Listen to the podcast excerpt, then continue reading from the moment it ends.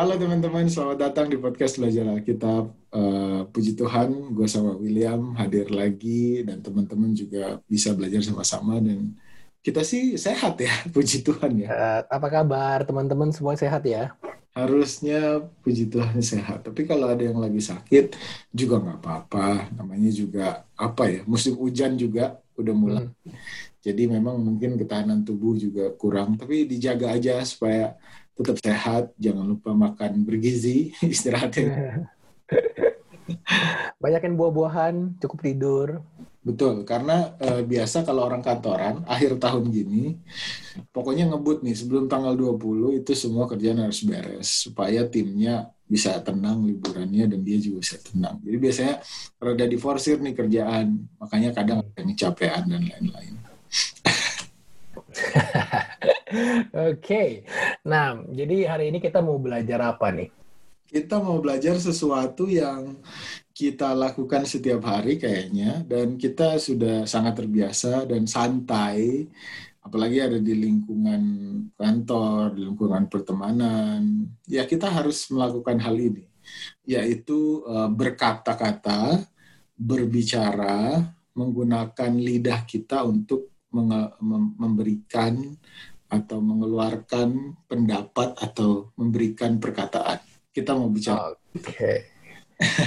Dan apa yang kita akan ngomongin atau bilang mengenai ini ya, mengenai perkataan, mengenai lidah gitu ya. Betul. Apakah ada yang signifikan dari lidah atau perkataan ini? Kenapa kita harus belajar? Dan uh, puji Tuhan, William uh, apa namanya ngulik materinya gue juga pas belajar gue lihat wah ini sebenarnya powerful banget ya pelajaran ini tapi kita suka apa ya lupa nggak tahu dan nggak peduli karena mungkin udah terbiasa aja hari-hari dilakuin kan ngomong gitu. Oke, okay, tapi sebelum itu kita harus undang dulu Roh Kudus buat hadir di sini supaya biarlah Tuhan yang berbicara kepada kita hari ini. Oke, okay, mari kita satu dalam doa. Bapak yang baik, terima kasih Tuhan, Engkau kembali kumpulkan kami Tuhan untuk belajar bersama-sama. Bapa, pantaskan kami untuk mendengarkan suaramu Tuhan, biar roh kudus berbicara atas kami, ampuni dosa dan kesalahan kami Bapa, hanya di dalam namamu Tuhan Yesus Kristus, kami alaskan doa ini. Haleluya, amin. Amin. Oke. Okay. Kita mulai dari mana nih? Kita mulai dari apakah memang ada di Alkitab uh, mengenai perkataan atau ucapan atau lidah? Apa yang Alkitab bilang soal ini? Oke. Okay. Uh, eh, sebelumnya guys, kayaknya hari ini kita bakal uh, baca cukup banyak ayat. Hmm. Uh, tapi nggak panjang-panjang kok, pendek-pendek.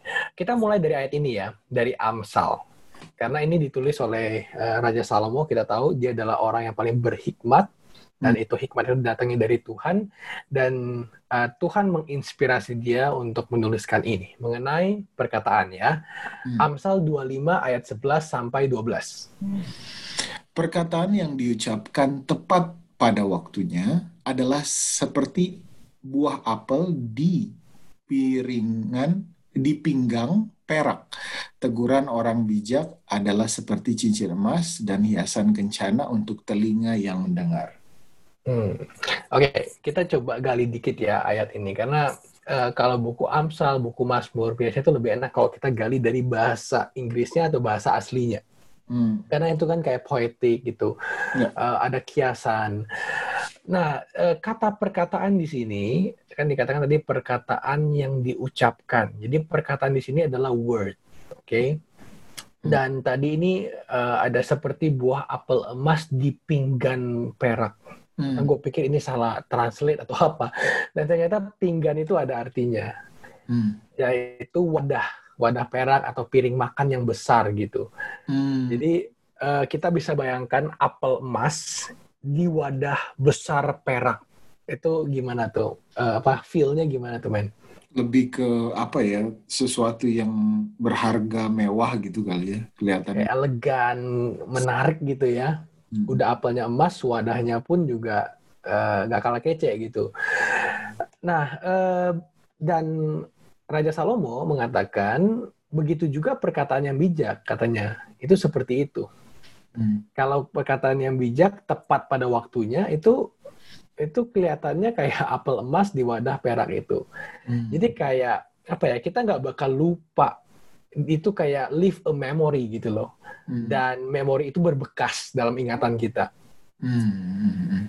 Nah makanya uh, ini nggak sih maksudnya kita kan pasti teman-teman semua di sini sering dengar uh, kayak podcast tapi dari yang lain juga ataupun uh, motivator gitu ya kita banyak lah dengar orang gitu kok bisa stay di di otak kita gitu hmm. itu karena ya karena yang yang sama gitu prinsipnya gak heran perkataan manis yang meneduhkan hmm. atau teguran tapi yang benar itu biasanya bakal stay di pikiran kita itu ya ya dan kita nggak gampang gitu ya Hmm, gak gampang lupa, bener. Hmm. Dan akhirnya bisa terus diingat jadi motivasi kita. Jadi nggak salah sih si uh, Salomo ngomong kayak gitu. Perkataan yang diucapkan tepat pada waktunya adalah seperti buah apel emas di pinggan perak. Hmm, hmm, hmm. Oke, okay, kita uh, lanjutin ayat berikutnya ada di Mazmur 33 ayat 6. Oleh firman Tuhan, langit telah dijadikan. Oleh nafas dari mulutnya, segala tentaranya. Hmm. Nah, kalau di sini kan bilangnya firman Tuhan, tapi kalau kata aslinya di bahasa Inggris itu the word of the Lord. Jadi um, perkataan yang keluar dari Tuhan. Ya. ya. Dan kita lihat di sini bahwa um, tadi kita lihat ya cuman perkataan bisa bikin sesuatu nempel di otak seseorang gitu. Yes. Dan di sini kita dapat lagi another view bahwa perkataan yang keluar dari mulut Tuhan itu punya power punya kuasa. Punya kuasa. Karena bumi diciptakan cuman pakai kata-kata, hmm. nggak pakai proses. Ya. Ya. Ya, ya. Jadilah terang. Terang itu pun jadi, ya kan? Yes, gitu. Ya. Apa pun termasuk kita ya. ya, oh kita beda. Kita nggak pakai jadilah Stephen kagak, gitu. Ya. Jadilah Adam. Dia ya. diambil pakai tanah. Makanya kita itu special. Iya iya iya. Ya. Tapi ada ada part dihembuskan nafas kan tadi di sini juga oleh nafas dari mulutnya segala tentaranya. Jadi kayak ada part dari apa ya kayak dari yang keluar dari mulut Tuhan juga gitu. Ya. Ya. Oke. Okay. Selanjutnya kita lihat Yakobus 3 ayat 5. Demikian juga lidah, walaupun suatu anggota kecil dari tubuh, namun dapat memegahkan perkara-perkara yang besar. Lihatlah betapapun kecil api ia dapat membakar hutan yang besar. Hmm. Hmm. Dan di sini lidah dikaitkan dengan api. Api yang kecil bisa bikin kebakaran hebat. Hmm. Ya kan? Jadi kayak di sini mengasih tahu bahwa lidah itu atau perkataan atau apa pun yang keluar dari mulut itu punya kuasa, punya kekuatan. Hmm. Yang sering kali mungkin kita nggak sadar dan kita akhirnya underestimate perkataan yang keluar itu. Hmm, hmm, hmm, hmm, hmm. Nah, makanya Tuhan selalu kan ingetin kita melalui perkataannya. Selalu, ayo anak-anakku, dengarkan perkataanku. Selalu kan kayak gitu. Yes. Dan kalau Alkitab dikatakan apa? Firman Tuhan. Itu kan artinya perkataan Tuhan. Yeah. Jadi kita bisa lihat sebenarnya Tuhan itu selalu mau fokus kita kepada perkataannya, kepada firmannya. Kenapa sih? Hmm, hmm. Karena perkataannya punya power, perkataannya punya kekuatan. Dan sayangnya kita sering nggak sadar akan hal itu, akhirnya kita nggak mau membaca firman Tuhan karena menurut kita itu nggak punya kekuatan. Menurut kita cerita aja gitu. ya. ya, ya, ya. Padahal powernya gede. Oke. Ini yang jadi contoh ya buat kita. Ada di Mazmur 119 ayat 105. Eh, Firmanmu itu pelita bagi kakiku dan terang bagi jalanku. Hmm. Firmanmu, thy word, kalau bahasa Inggrisnya kan. Yeah. Jadi, kenapa Tuhan selalu mengingatkan kita kepada perkataannya, kepada word of God, kepada firmannya? Ya karena itu powerful. Kalau itu tinggal di pikiran kita, itu bakal berdampak positif buat kita hmm. bisa jalan di jalan yang benar. Jadi tahu yang benar mana. Gara-gara firman Tuhan, gara-gara perkataan Tuhan. Nah itu contohnya. Hmm. Hmm. Hmm. Oke. Okay. Ada lagi kita bisa lihat di Mazmur 119 ayat 11. Dalam hatiku aku menyimpan janjimu supaya aku jangan berdosa terhadap engkau. Hmm. Hmm. Nah, kalau bahasa Indonesia kan bilangnya janjimu. Kalau bahasa Inggris balik lagi. Bilangnya gini, thy word have I hid in my heart. Perkataanmu gitu ya. Ya, kusimpan di dalam hatiku. Kenapa Daud menyimpan perkataan Tuhan? Kenapa, men? Karena itu jadi ya kekuatan. Jadi supaya dia jangan apa ya melanggar atau membuat dia tidak berdosa tidak jatuh dalam dosa gitu. Hmm. dan itu yang Daud bilang kan supaya aku jangan berdosa terhadap engkau. Hmm. jadi Daud menyadari bahwa perkataan Tuhan firman Tuhan itu punya kuasa bahkan punya kuasa untuk supaya dia jangan jatuh ke dalam dosa. Wow. Hmm Coba kita lihat lagi ya di Yohanes 6 ayat 63. Rohlah yang memberi hidup, daging sama sekali tidak berguna. Perkataan-perkataan yang kukatakan kepadamu adalah roh dan hidup. Wow. Hmm. Oke, okay. ini lebih powerful lagi. okay. Nah, perkataan-perkataan bahasa Inggrisnya the words gitu ya bilangnya. Yes. Wow bukan cuma sekedar membuat kita nggak bisa jatuh ke dalam dosa ya ataupun berdampak positif tapi sekarang dikatakan perkataan Tuhan perkataan Yesus itu hmm. kasih kita hidup hmm. wow dan kasih kita spirit roh untuk hidup hmm. Hmm. Hmm. Hmm. hmm. luar biasa sih di sisi yang lain itu kenapa Tuhan selalu ingetin kita untuk fokus ke Dia gitu karena hmm tahu gitu bahwa perkataannya dia itu memberikan apa ya kekuatan, membuat kita nggak jatuh dalam dosa. Tapi kalau kita nggak dengar perkataan dia, artinya kan kita per mendengar perkataan yang lain. Enemy dari Tuhan yaitu setan. Perkataan setan membawa membawa kita ke dalam apa nih? Ke dalam hidup yang baik atau hidup yang buruk? Gitu. nah ini dan e, sebenarnya waktu uh, membaca ini kita lihatnya wow, tapi kalau kita pikirin benar-benar bahwa kenapa ya Tuhan mau kita fokus kepada perkataannya Dia. Hmm. Berarti yang kayak lu bilang tadi ada enemy, ada yang ada perkataan yang lain dong. Hmm. Yang tentunya pastinya cukup powerful. Hmm. Walaupun nggak sepowerful perkataan Tuhan, tapi ini cukup powerful untuk membawa orang kepada kebinasaan. Karena Tuhan tadi bilang itu memberikan hidup, yang perkataan setan pasti lawannya dong. Iya, membawa ke dalam maut gitu. Nah, kita kita coba lihat ya. Uh, uh, contohnya nih, ini yang Yakobus bilang. Yakobus 3 ayat 9 sampai 10. Dengan lidah kita memuji Tuhan Bapa kita. Dan dengan lidah kita mengutuk manusia yang diciptakan menurut rupa Allah. Hmm. Dari mulut yang satu keluar berkat dan kutuk. Hal ini, saudara-saudaraku, tidak boleh demikian terjadi. Hmm. Yes, benar. Kadang kita pakai mulut ini buat oh memuji, memberkati, tiba-tiba keserempet langsung dikutuk semua orang. ya. Padahal baru baru pulang dari gereja tuh. Oh mungkin, ya bisa terjadi. Oh iya. ya. Jadi dibilang di sini lidah ini bisa keluarin dua, mau positif ataupun negatif. Hmm. Dan bisa uh, ya keluar dari mulut itu bisa punya power untuk kehidupan dan power untuk membinasakan. Nah, mungkin kita akan lihat contohnya di sini.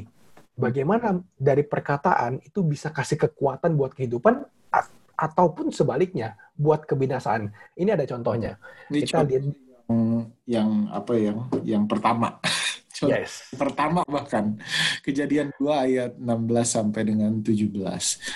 Lalu Tuhan Allah memberi perintah ini kepada manusia.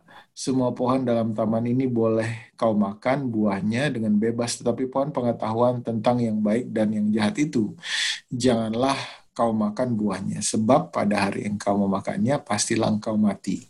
Oke. Okay. Menurut perkataan Tuhan di sini powerful nggak? Penuh kuasa nggak? Penuh kuasa.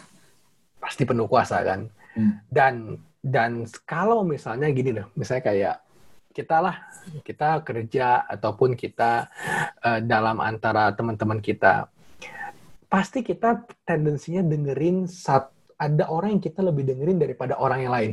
ya kan? Betul. betul. Nah, kenapa? Kenapa? Karena dia eh, apa ya punya experience di balik perkataannya. Biasanya apa yang dia bilang tuh benar dan berhasil. Artinya kita respect, ya Yes. kan? Dan dan maksudnya kadang kita juga punya leader ataupun punya atasan. Ada atasan yang karena jabatan doang, tapi kita nggak respect. Jadi dia ngomong apa kita nggak turutin. Berarti dia nggak punya kuasa, ya kan? Iya. Tapi ada orang yang nggak punya jabatan kalau dia ngomong siap sebisa mungkin kita laksanakan gitu. Hmm, hmm, Jadi waktu Tuhan kasih perintah ini kepada Adam dan Hawa, hmm. eh, itu perkataannya penuh kuasa nggak? Penuh kuasa. Kenapa? Adam dan Hawa menurut kok. Hmm. Karena apa pun yang Tuhan bilang, oke sekarang kalian namai ini semua binatang. Mereka namai semua binatang. Hmm. Tuhan bilang jangan makan. Pertamanya mereka menurut. Ya kan? Awal menurut kan? Jadi penuh kuasa Tuhan nih. Tapi sebaliknya, nah sekarang kita lihat. Kejadian 3 ayat 4. Tetapi ular itu berkata kepada perempuan itu, sekali-kali kamu tidak akan mati. Nah, tadi Tuhan berkata, sekarang sebaliknya ada setan berkata Hmm. melalui ular. Perkataan, Mengatakan, ya, ya mengatakan sekali kali kamu tidak akan mati. Bertolak belakang sama perkataan Tuhan. yes. Nah, pertanyaannya, apakah perkataan setan lebih powerful daripada perkataan Tuhan? Sehingga Adam dan Hawa lebih percaya sama setan. Enggak, Harusnya enggak kan? enggak. Enggak. Tapi kita lihat Adam dan Hawa jatuh oleh karena Perkataan. perkataan setan. Coba gara-gara perkataan setan. Hmm. Jadi kita bisa lihat gak bahwa walaupun kita mengakui perkataan Tuhan, firman Tuhan itu lebih powerful daripada setan, tapi kita bisa melihat bahwa walaupun eh, perkataan setan itu lebih tidak berkuasa, tapi itu cukup kuat untuk menjatuhkan manusia, Cukup kuat untuk apa ya, menggoda, untuk menggoda. mengini-iningi. Ya, jadi kita bisa lihat di sini kontrasnya. Setiap perkataan itu bisa punya kekuatan buat membawa orang kepada kehidupan, Hmm. tapi membawa kepada kebinasaan. Ya. Dan itu bisa juga keluar dari mulut kita, bukan cuma dari mulut setan ya. Hmm. Karena karena kalau sekarang orang juga banyak yang kesetan-setanan gitu. Ya, dan dan hebatnya lagi sebenarnya eh, Adam itu jatuh gara-gara siapa? Gara-gara Hawa. Gara-gara Hawa. Hmm. Karena ada di Alkitab dituliskan bahwa eh, bukanlah Adam yang pertama dicobai, tapi Hawa, Yes. ya kan?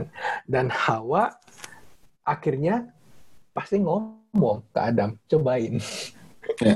Jadi perkataan itu pun hebatnya, walaupun perkataan setan itu nggak sepowerful perkataan Tuhan, tapi dia cukup kuat untuk jatuhkan Hawa dan cukup kuat membuat Hawa menjatuhkan Adam.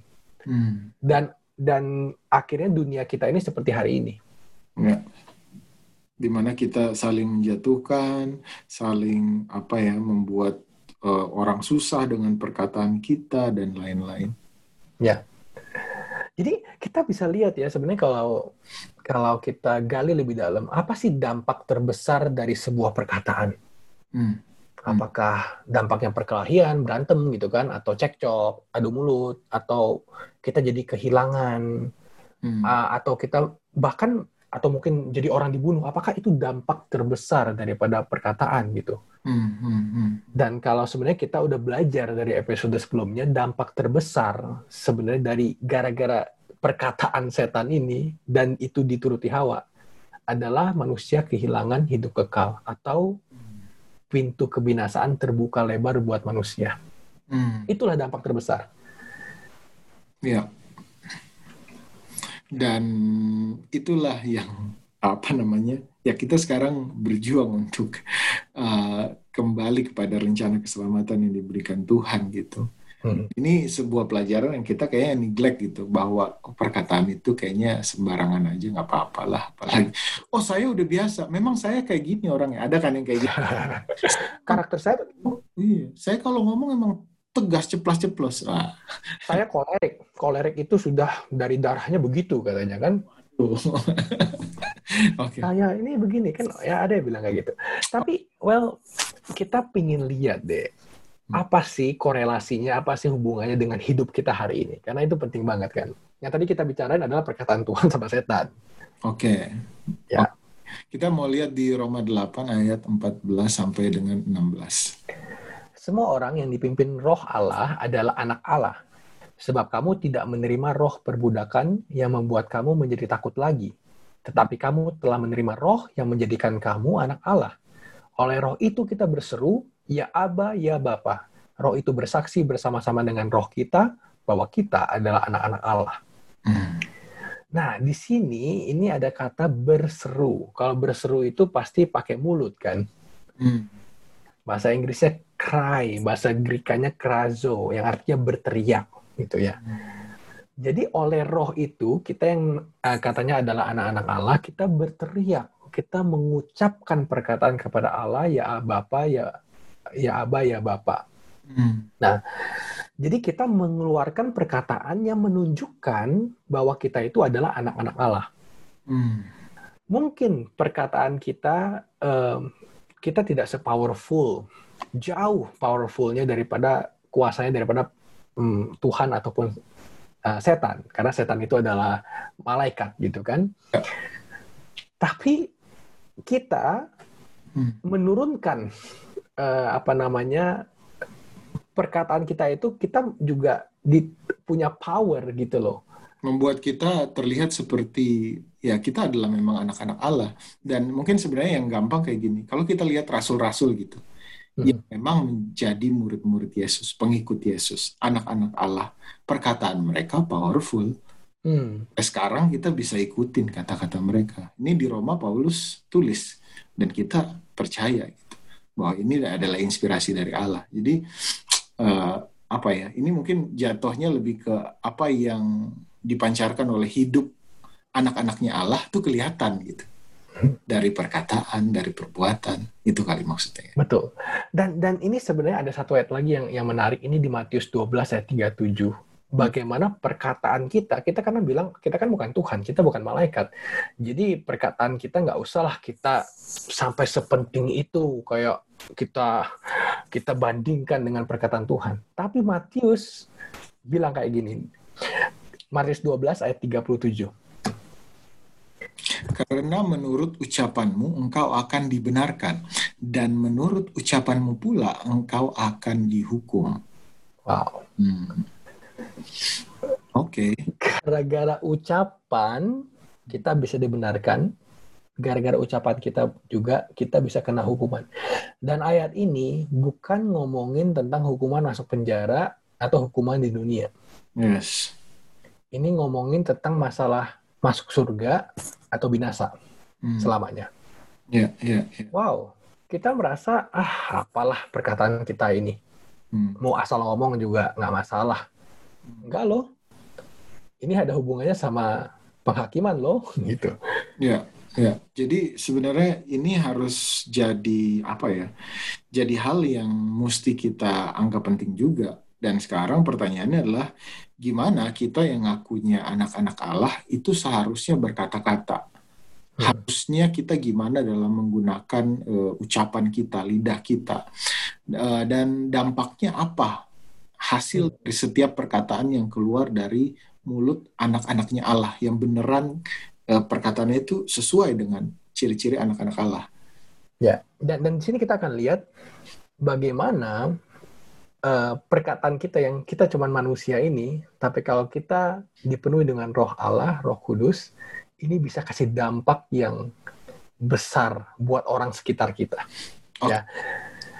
Kita mulai Ah, Mazmur 40 ayat 3. ia memberikan nyanyian baru dalam mulutku untuk memuji Allah kita.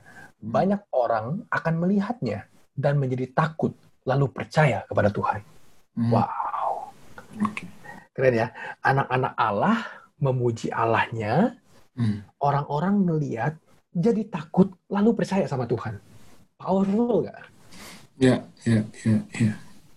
Powerful, powerful. Jadi, jadi sadar gitu. Wah, Yes. gua enggak nih gitu, enggak baik nih gua nih karena ngelihat anak-anak Allah memuji Tuhan. Puji Tuhan. Ya. Dan bahkan kita kita sering nggak sadar bahwa Tuhan bisa ya. Aku yang nggak dikenal sama dunia ini, perkataan aku bisa bikin orang lain jadi jadi kenal Tuhan. Itu kata Mazmur Daud. Dulu gue ada satu cerita pendek dikit ya. Dulu gue ada pengalaman punya temen uh, saat uh, cewek dia itu apa-apa sedikit-sedikit ngomongnya puji Tuhan, ngomongnya puji hmm. Tuhan. Dan uh, waktu itu karena gue adalah orang yang gak deket sama Tuhan dan gue ngerasa gue berdosa, gue ngeliat dia tuh jadi heran gitu. Kayak gimana ya caranya kok bisa uh, dengan gampangnya keluar dari mulut orang itu puji Tuhan sedikit-sedikit puji Tuhan ada apa dikit yang baik happy dikit puji Tuhan gue jadi kayak wah luar biasa sih kalau bisa jadi orang kayak gini ya jadi kayak memandang orang itu tuh kayak aduh kapan ya gue bisa jadi orang kayak gini gitu bisa memuji Tuhan hmm. karena karena ngerasa bahwa sekarang gue adalah orang yang gak pantas memuji Tuhan. Hmm. mulut mulut gue yang berdosa ini.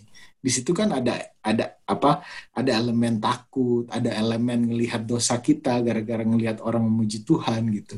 Jadi hmm. firman yang ini benar gitu. Luar biasa.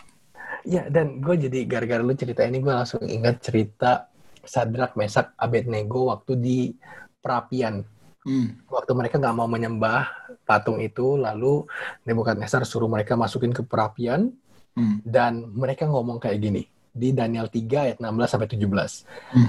Lalu Sadrak, Mesak dan Abednego menjawab Raja Nebukadnezar, tidak ada gunanya kami memberi jawab kepada tuanku dalam hal ini, karena mereka hmm. kan disuruh untuk ditanya dewa mana yang yang bisa lepasin kamu gitu, ditanya yeah. kayak gitu. Hmm. Lalu di ayat 17 dia mereka bilang gini, jika Allah kami yang kami puja sanggup melepaskan kami, maka ia akan melepaskan kami dari perapian yang menyala-nyala itu hmm. dan dari dalam tanganmu ya Raja Nah, ayat 18, tetapi seandainya tidak, hendaklah tuanku mengetahui, ya Raja, bahwa kami tidak akan memuja dewa tuanku dan tidak akan menyembah patung emas yang tuanku dirikan. Wow, yeah. itu mereka pakai perkataan berhadapan sama orang nomor satu di seluruh dunia pada zaman itu. Hmm. Ya, akhirnya kan kita tahu ceritanya mereka dilempar ke dalam api. Hmm. Raja kaget, hah, kenapa? Kok orang ini gak uh, ini kan Eh, nggak uh, bisa nggak kebakar bahkan malah ada empat orang gitu lalu akhirnya di ayat 26 gara-gara mereka mengatakan seperti itu kepada Nebukadnezar di ayat 26 Nebukadnezar bales gitu ya Daniel 3 ayat 26 lalu Nebukadnezar mendekati pintu perapian yang bernyala-nyala itu berkatalah ia Sadrak Mesak dan Abednego hamba-hamba Allah yang maha tinggi wow keluarlah dan datanglah kemari Uh, Nebukadnezar ngomong kayak gitu. Yeah. Lalu dan terakhir kita tahu uh, di ayat 28 dikatakan gini, berkatalah Nebukadnezar, terpujilah Allahnya Sadrak, Mesak dan Abednego. Yes. Ia telah mengutus malaikatnya dan melepaskan hamba-hambanya yang telah menaruh percaya kepadanya dan melanggar tita raja dan yang menyerahkan tubuh mereka karena mereka tidak mau memuja dan menyembah Allah mana pun kecuali Allah mereka. Wow, ya. Yes. Gara-gara kita memuji Tuhan, mengucapkan pujian kepada Tuhan dalam kondisi apa pun, yeah. orang lain jadi takut lalu percaya kepada Tuhan. Amin. Amin, amin, amin, amin. Puji Tuhan. Powerful ya. Happy banget gue denger ini. Oke. Okay. Amsal 10 ayat 21 kita lanjut ya. Bibir orang benar menggembalakan banyak orang. Oke. Okay. Hmm. Oke, okay. ah, ini karena ini buku Amsal kita gali lebih dalam ya. Um, di bahasa Indonesia menggembalakan banyak orang, tapi kalau bahasa Inggris bilangnya the lips of the righteous feed many. Hmm. Bukan menggembalakan tapi feed. Feed itu ngasih makan kalau terjemahan langsung. Hmm. Kalau dalam bahasa Ibrani itu ra'ah. Artinya ini menarik, mengarahkan ke padang rumput hijau. Hmm. Jadi uh, perkataan orang benar itu selalu membawa kepada padang rumput hijau. Dan buat domba, padang rumput hijau itu adalah kehidupan. Ya. Makanan, kehidupan. Ya. ya. Jadi dengan kata lain, bibir orang benar atau bibir anak-anak Allah, apa pun yang keluar dari mulutnya, akan membawa kehidupan kepada yang nggak tahu tentang Tuhan. Hmm. Anak-anak Allah punya tugas buat bawa orang-orang dari padang yang tandus kepada padang yang berumput hijau. Hmm.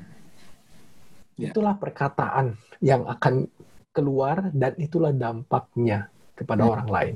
Ini jadi refleksi loh buat kita. Apakah perkataan kita itu membawa orang dekat sama Tuhan, mau kenal Tuhan, atau malah orang jadi males. jadi ada bahkan ada orang, misalkan ya contoh kan banyak kasus orang jadi keluar gereja, orang jadi males beribadah, orang jadi males di komunitas belajar Alkitab gara-gara perkataan orang. Nah, apakah ciri-ciri itu sama dengan ciri-ciri perkataan atau bibir dari uh, orang yang uh, benar gitu. Tapi jujur aja gini men, gue juga sering dan punya juga banyak teman yang maksudnya gitu loh. Um, gue tuh termasuk orang yang jarang dan hampir nggak pernah bilang abis di conversation setelah saya God bless you man atau Tuhan berkati itu kayak hampir nggak pernah kan gue ngomong kayak gitu gitu. Yes yes. Uh, tapi gue sering terima yang kayak gitu dari orang. Hmm. Tapi menurut gue nggak tahu apa nggak uh, tahu ya lu ngerasain juga atau enggak tapi menurut gua, nggak semua kata-kata yang God bless you, puji Tuhan, terpujilah namanya, amin, itu powerful. Iya, iya, iya. Ya. Benar, benar, benar. Jadi itu nggak bisa uh, cuman kelihatannya puji Tuhan atau pas lu memberikan pujian, lu mungkin nyanyi kenceng, tapi kok nggak punya power. Hmm. Gitu.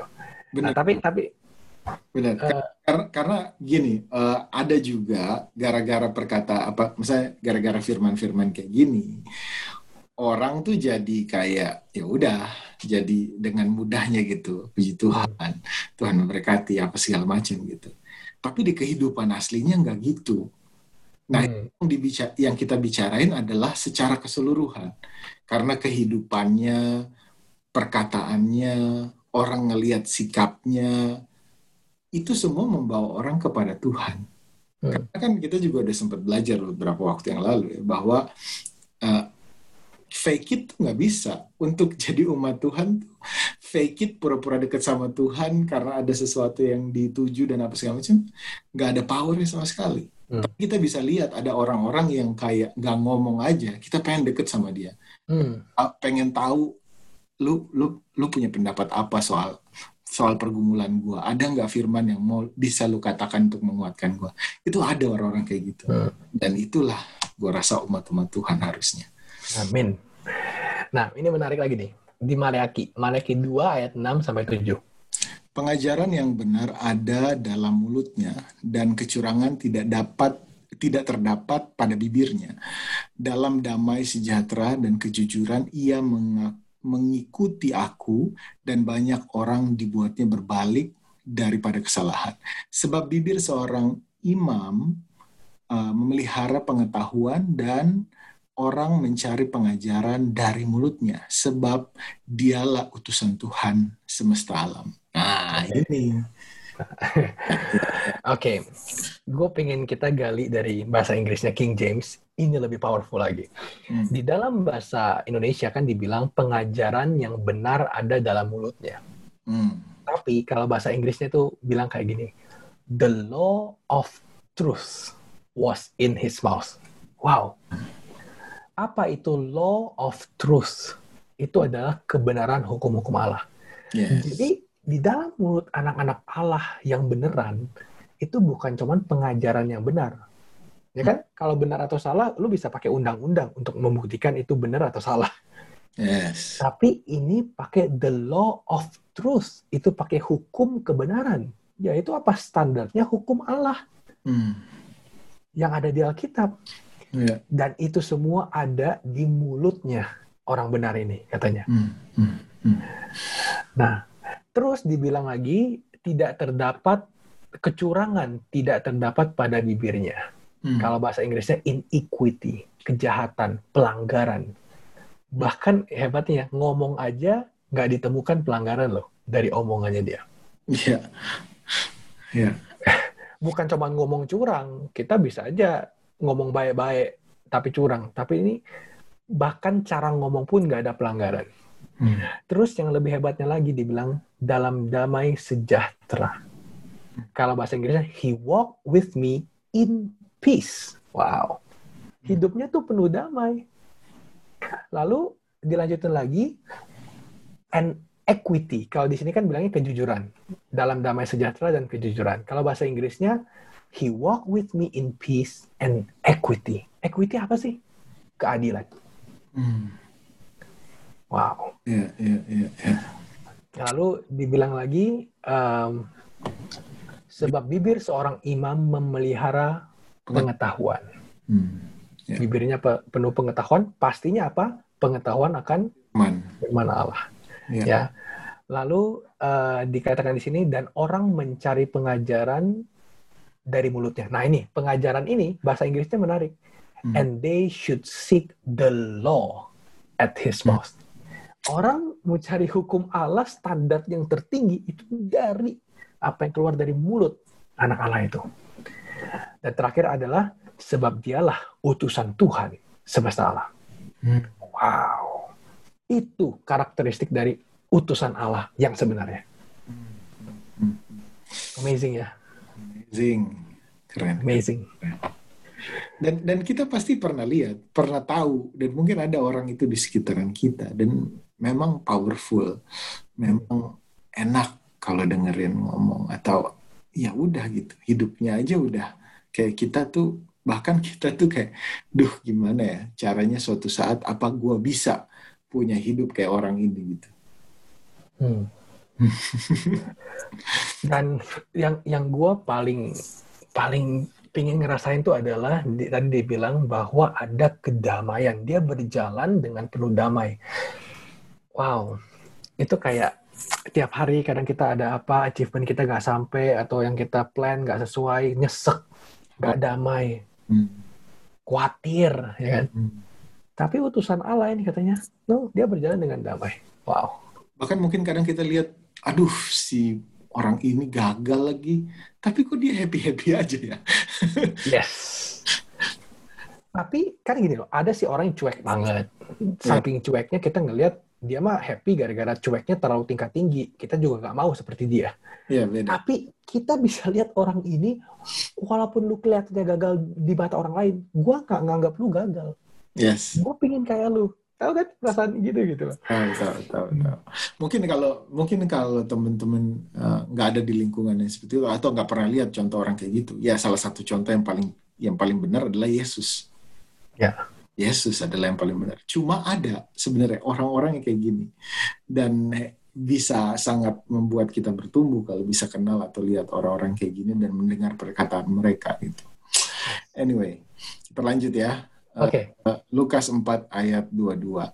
Dan semua orang itu membenarkan dia dan mereka heran akan kata-kata yang indah yang diucapkannya. Lalu kata mereka, bukankah ia ini anak Yusuf? Oke. Mereka kaget melihat Yesus karena kata-kata indah yang diucapkannya. Hmm. Tapi kalau di dalam bahasa Inggris atau bahasa sebenarnya itu bukan kata-kata indah, Hmm. tapi adalah the gracious word. Hmm. Kalau bahasa Grekanya charis yaitu kata-kata dengan kekuatan ilahi. Jadi semua orang tuh bukannya dia anak Yusuf tukang kayu, kok dia bisa Orang biasa, bukannya dia anak manusia, tapi kok kata-katanya penuh kuasa gitu kali ya maksudnya? yes kurang lebih kayak gitu. Kok kayak punya kata-kata dia kayak punya power yang supernatural gitu, bukan human power. Hmm. Jadi dalam eh, perkataan utusan Allah atau anak-anak Allah, seharusnya setiap orang akan melihat kekuatan Allah di dalam perkataan kita. Hmm. Wow, Yes, yes, yes. bukan cuman adem loh kan kalau di sekarang lagi gue sering liat Instagram terus kayak wah adem nih kalau kayak gini. Ini nggak sekedar adem, ini punya power. Yes, karena kalau adem berdasarkan dunia, itu biasanya karena kita pengen. Ya. Ya duniawian, oh gue pengen itu, waduh adem banget ngeliat yang kayak gitu. Tapi kalau firman Tuhan, biasanya kadang nggak adem malah. Kadang Yes. hati jadi, aduh gimana ya, gue berdosa banget. Tapi itu power dari Tuhan. Itulah firman Tuhan. Begitu. Lanjut. Roma 10 ayat 8. Tetapi apakah katanya ini firman itu dekat kepadamu, yakni di dalam mulutmu dan di dalam hatimu. Itulah itulah firman iman yang kami beritakan. Oke. Nah, firman iman. Tapi kalau bahasa Inggrisnya bilangnya the word of faith. Ya. Artinya firman Tuhan bukan aja di mulut, tapi di dalam hati, yaitu dalam pikiran ya. Hmm. Dan perkataan yang diberitakan itu didasarkan oleh iman. Wow. Ya. Jadi gantinya maksudnya kita bisa bilang puji Tuhan, Tuhan baik memenuhi ke segala kebutuhan kita. Selesai dari ngomong kayak gitu terpancarlah kekhawatiran dan segala macam. Yeah. Tapi ini enggak perkataan dia karena iman yang dia punya, dia saksikan melalui perkataan. Perkataan seturut dengan perbuatan. Ya. Yes. Oke, lanjut, Pak. Ya, Ulangan 23 ayat 23. Apa yang keluar dari bibirmu haruslah kau lakukan dengan setia, hmm. sebab dengan sukarela kau nazarkan kepada Tuhan Allahmu sesuatu yang kau katakan dengan mulutmu sendiri. Hmm. Nah, uh, kalau ini uh, agak bingung bahasa Indonesia-nya, bahasa Inggrisnya lebih gampang. That which is gone out of thy lips, thou shalt keep and perform. Hmm. Apa yang keluar dari mulut kamu, kamu harus jaga, kamu lakukan. Hmm. Jadi di sini nunjukin bahwa anak-anak Allah itu adalah anak-anak yang penuh janji juga kalau janji sesuatu pasti tepatin janji karena yang dipegang mulutnya ini ini apa namanya ini tricky juga sih buat kita. Mungkin kadang kita suka gini sama Tuhan. Tuhan aku besok mau mau mulai belajar Alkitab nih Tuhan. Hmm. Tuhan besok aku mau mulai rajin berdoa nih Tuhan. Hmm. besok enggak. Jadi ya ini uh, Tuhan akan lihat apakah kita setia enggak sama apa yang kita ucapkan. Bahkan kita doakan ke Dia gitu. Ya.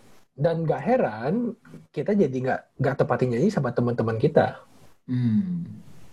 Sama Tuhan aja nggak tepatin sama orang ah iya ya gara-gara gak enak iya ya oke oke oke nggak ada yang dikerjain ya, ya, ya. ya tapi itu bukan karakteristik anak Tuhan menurut Alkitab harus tepatin janji kalau karakteristik anak Tuhan oke okay. yes. Amsal 12 ayat 18 sampai dengan 19 tetapi lidah orang bijak mendatangkan kesembuhan. Bibir yang mengatakan kebenaran tepat untuk selama-lamanya. Tetap untuk selama. Tetap. Ya. Oke. Okay. Nah, um, gua ambil bahasa Inggris lagi ya. Sorry, ini agak banyak bahasa Inggris, tapi lebih bagus artinya. Di sini dikatakan lidah orang bijak mendatangkan kesembuhan. Hmm. Kalau bahasa Inggrisnya give health gitu. Jadi health itu menyehatkan. Hmm. Lalu bibir yang mengatakan kebenaran tetap untuk selama-lamanya. Tapi kalau bahasa Inggrisnya itu establish, hmm. artinya teguh pada pendirian. Hmm.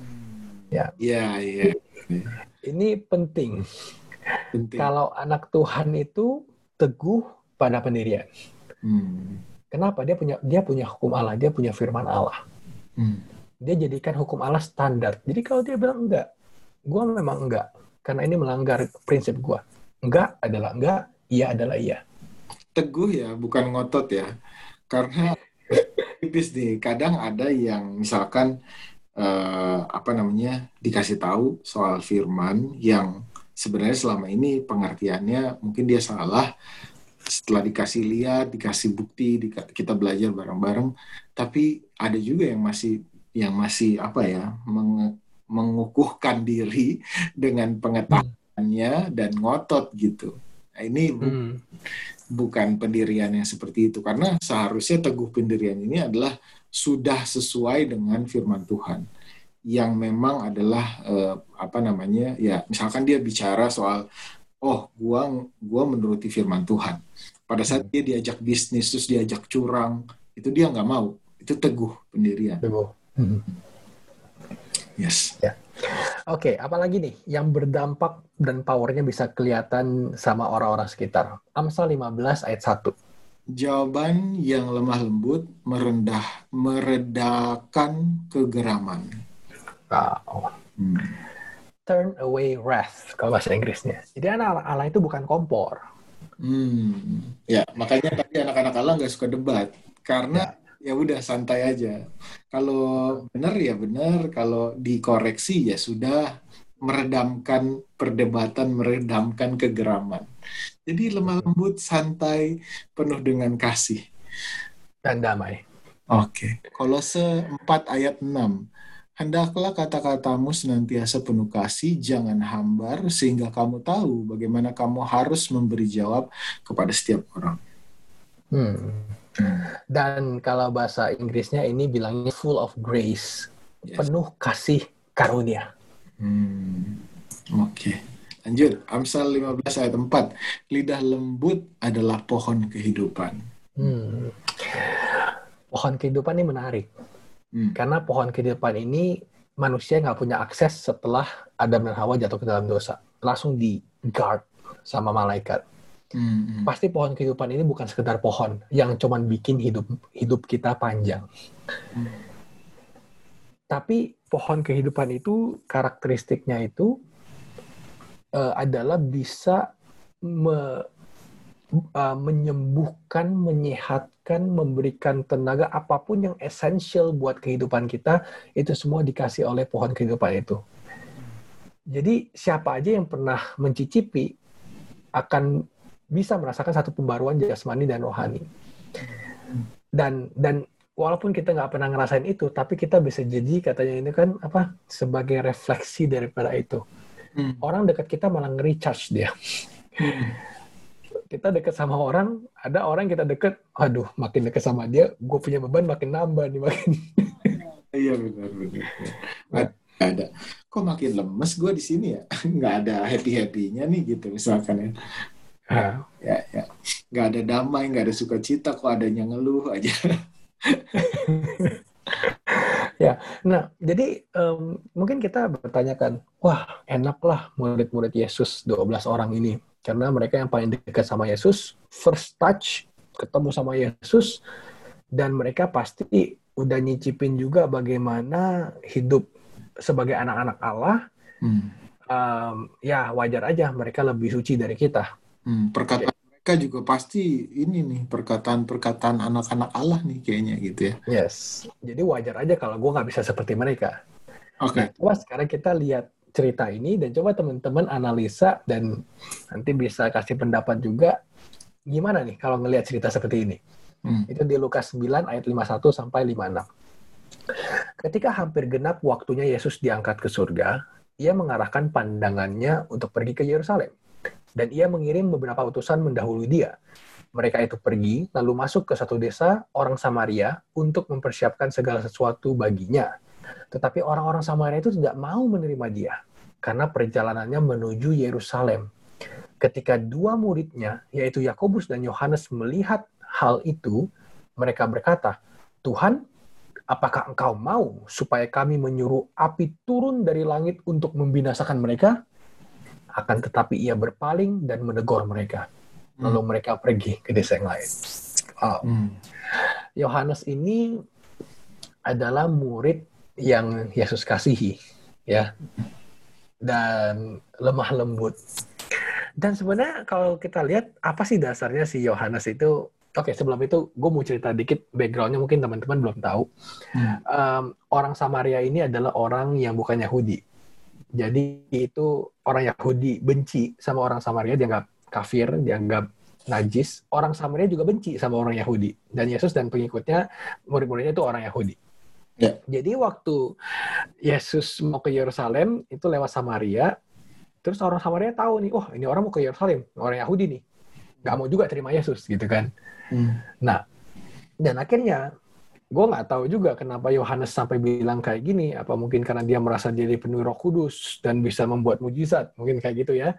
Yeah. Dan uh, apa namanya dia bilang kita bisa turunin api untuk hanguskan mereka gitu.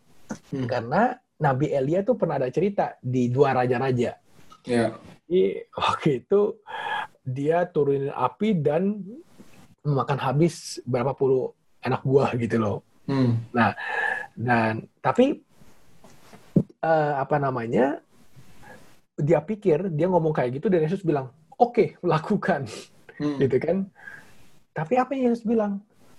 Tetapi ia berpaling dan menegur mereka. Kalau mereka itu punya. adalah hal yang salah yang mereka lakukan. Sedangkan kalau yang Elia itu Allah berkehendak atas hmm. apa dilakukan Elia gitu. Jadi uh, ini artinya apakah anak-anaknya uh, anak-anak Allah atau murid-murid Yesus pada waktu itu belum memancarkan karakter anak-anak Allah atau gimana ya? Sepertinya kayak gitu. Karena mereka mau turunin api atas dasar kesel, marah. Kan? Oh, gitu. oke. Okay. Atas dasar uh, ego kali ya, ngerasa nggak bisa bisa jadi ego. Hmm. Hmm. Hmm. Wah, masa Tuhan datang orang Samaria ini kayak gini? Kita kan dekat sama Tuhan. Wah, singkirin aja nih orang gitu. Tapi bertentangan sama yang tadi bahwa perkataan anak Allah, utusan Allah itu bawa damai. Hmm. Makanya Yesus tegur, hei jangan kayak gitu. Kita pergi ke desa lain. Mungkin belum waktunya. ya, jadi bukan apa ya kayak uh, mereka itu mau berkata seperti punya kuasa kayak anak Allah. Hmm. Tapi bukan itu yang harusnya dicari. Hmm. Ya kan? Makanya pada saat mereka mencoba, padahal mereka ngomong kayak gitu sebenarnya kelihatannya kayak penuh power loh ngomong kayak gitu. Keren gitu kan. Hmm. Tapi ternyata bukan itu kayak mereka miss the point gitu loh dan akhirnya kita juga lihat bahkan jadi murid Yesus sekalipun 12 orang murid Yudas aja akhirnya uh, mengkhianati Yesus ya ya ya, dan, ya dan jadi artinya itu gak jaminan dan di satu sisi yang lain kita nggak boleh bilang oh kita kan belum pernah ketemu Yesus kayak mereka jadi kita nggak bisa hmm. nggak hmm. bisa begitu juga gitu karena posisi kita sama-sama manusia. Oke. Okay. Uh, eh, kayaknya kita harus bahas lagi nih. Karena kalau nyampe sini nih masih nanggung gitu. Kita cuma tahu apa ya cuma tahu oh ini ciri-ciri anak Allah tapi ternyata di bawah sini udah deket sama Tuhan Yesus saja masih gagal gitu memancarkan bahwa mereka anak-anak Allah tapi pada walaupun pada akhirnya kita tahu mereka ini kecurahan Roh Kudus tumbuh menjadi pembawa-pembawa firman yang luar biasa yang perkataan-perkataannya dan kehidupannya itu bisa dicontoh gitu. Tapi ada masa mereka tuh juga belum belum apa ya belum ada requirement yang tepat sebagai anak-anak Allah gitu. Jadi kayaknya mesti kita bahas lagi nih. Dan bahkan ingat gak waktu Yesus uh, disalib sebelum Yesus disalib Petrus tiga kali itu ditanyain kan. Hmm. Dan dengan perkataan dia sama sekali dia tidak mau menunjukkan dan malu mengakui bahwa dia tuh murid Yesus atau anak Allah. Oke, okay, oke. Okay. Baiklah, kalau kayak gini bagusan minggu depan kita dalemin lagi soal yang ini. Mungkin hmm. kita akan uh, dalemin lagi uh, sebenarnya kita mestinya baca Yakobus 3 ayat 5 sampai 8 lebih detail lagi gitu. Terus di Yakobus 3 ayat uh, yang selanjut selanjutnya dan banyak ayat lagi yang sebenarnya bisa menjelaskan gimana sih kita untuk jadi anak-anak Allah. Apalagi kalau kita ada di lingkungan yang sebenarnya tuh perkataannya itu nggak memancarkan sekali tentang apa hal-hal yang sebagai anak Allah dan kita bisa aja terpengaruh kan gitu. Jadi di episode ini kita bahas, um, kita udah sama-sama belajar bahwa inilah uh, indikator, inilah ciri-ciri anak Allah, dan inilah perkataan yang keluar, inilah power yang bisa kelihatan dari anak-anak Allah. Hmm. Dan tapi kita tahu bahwa itu gak mudah. Nah ini kita pengen bahas minggu depan, gimana gitu. Oke, okay, oke. Okay. Baiklah, uh, jangan lupa untuk belajar lagi teman-teman supaya kita bisa apa ya bisa karena gak gampang sih menurut gue walaupun kita udah tahu gak bisa pasti langsung apply. Apalagi kita nggak minta sama Tuhan. Biasanya kan kalau udah tahu kayak gini ini seakan-akan kita ah saya punya kunci jawabannya dalam kehidupan. Saya ngomong lembut saya akan berusaha orang ngajarin orang tentang firman. Tapi kalau nggak minta kekuatan dari Tuhan kita pasti fake sih. Ya Ya. Jadi kita perlu minta kekuatan dari Tuhan. Dan kita akan belajar lagi minggu depan. Eh, teman-teman bisa juga kalau ada yang mau ditanyain buat kelanjutan minggu depan boleh DM kita di belajar Alkitab podcast atau email juga ke kita boleh. Oke. Okay. Oke. Okay. Yuk kita berdoa. Tuhan Bapa kami di surga, terima kasih buat hari ini ya Tuhan. Kami sama-sama belajar, kami tahu Tuhan bahwa kami satu hari nanti ya Tuhan, kami harus punya karakter ini ya Tuhan. Kami harus harus punya perkataan-perkataan yang membangun, yang didorong oleh Roh Kudus ya Tuhan.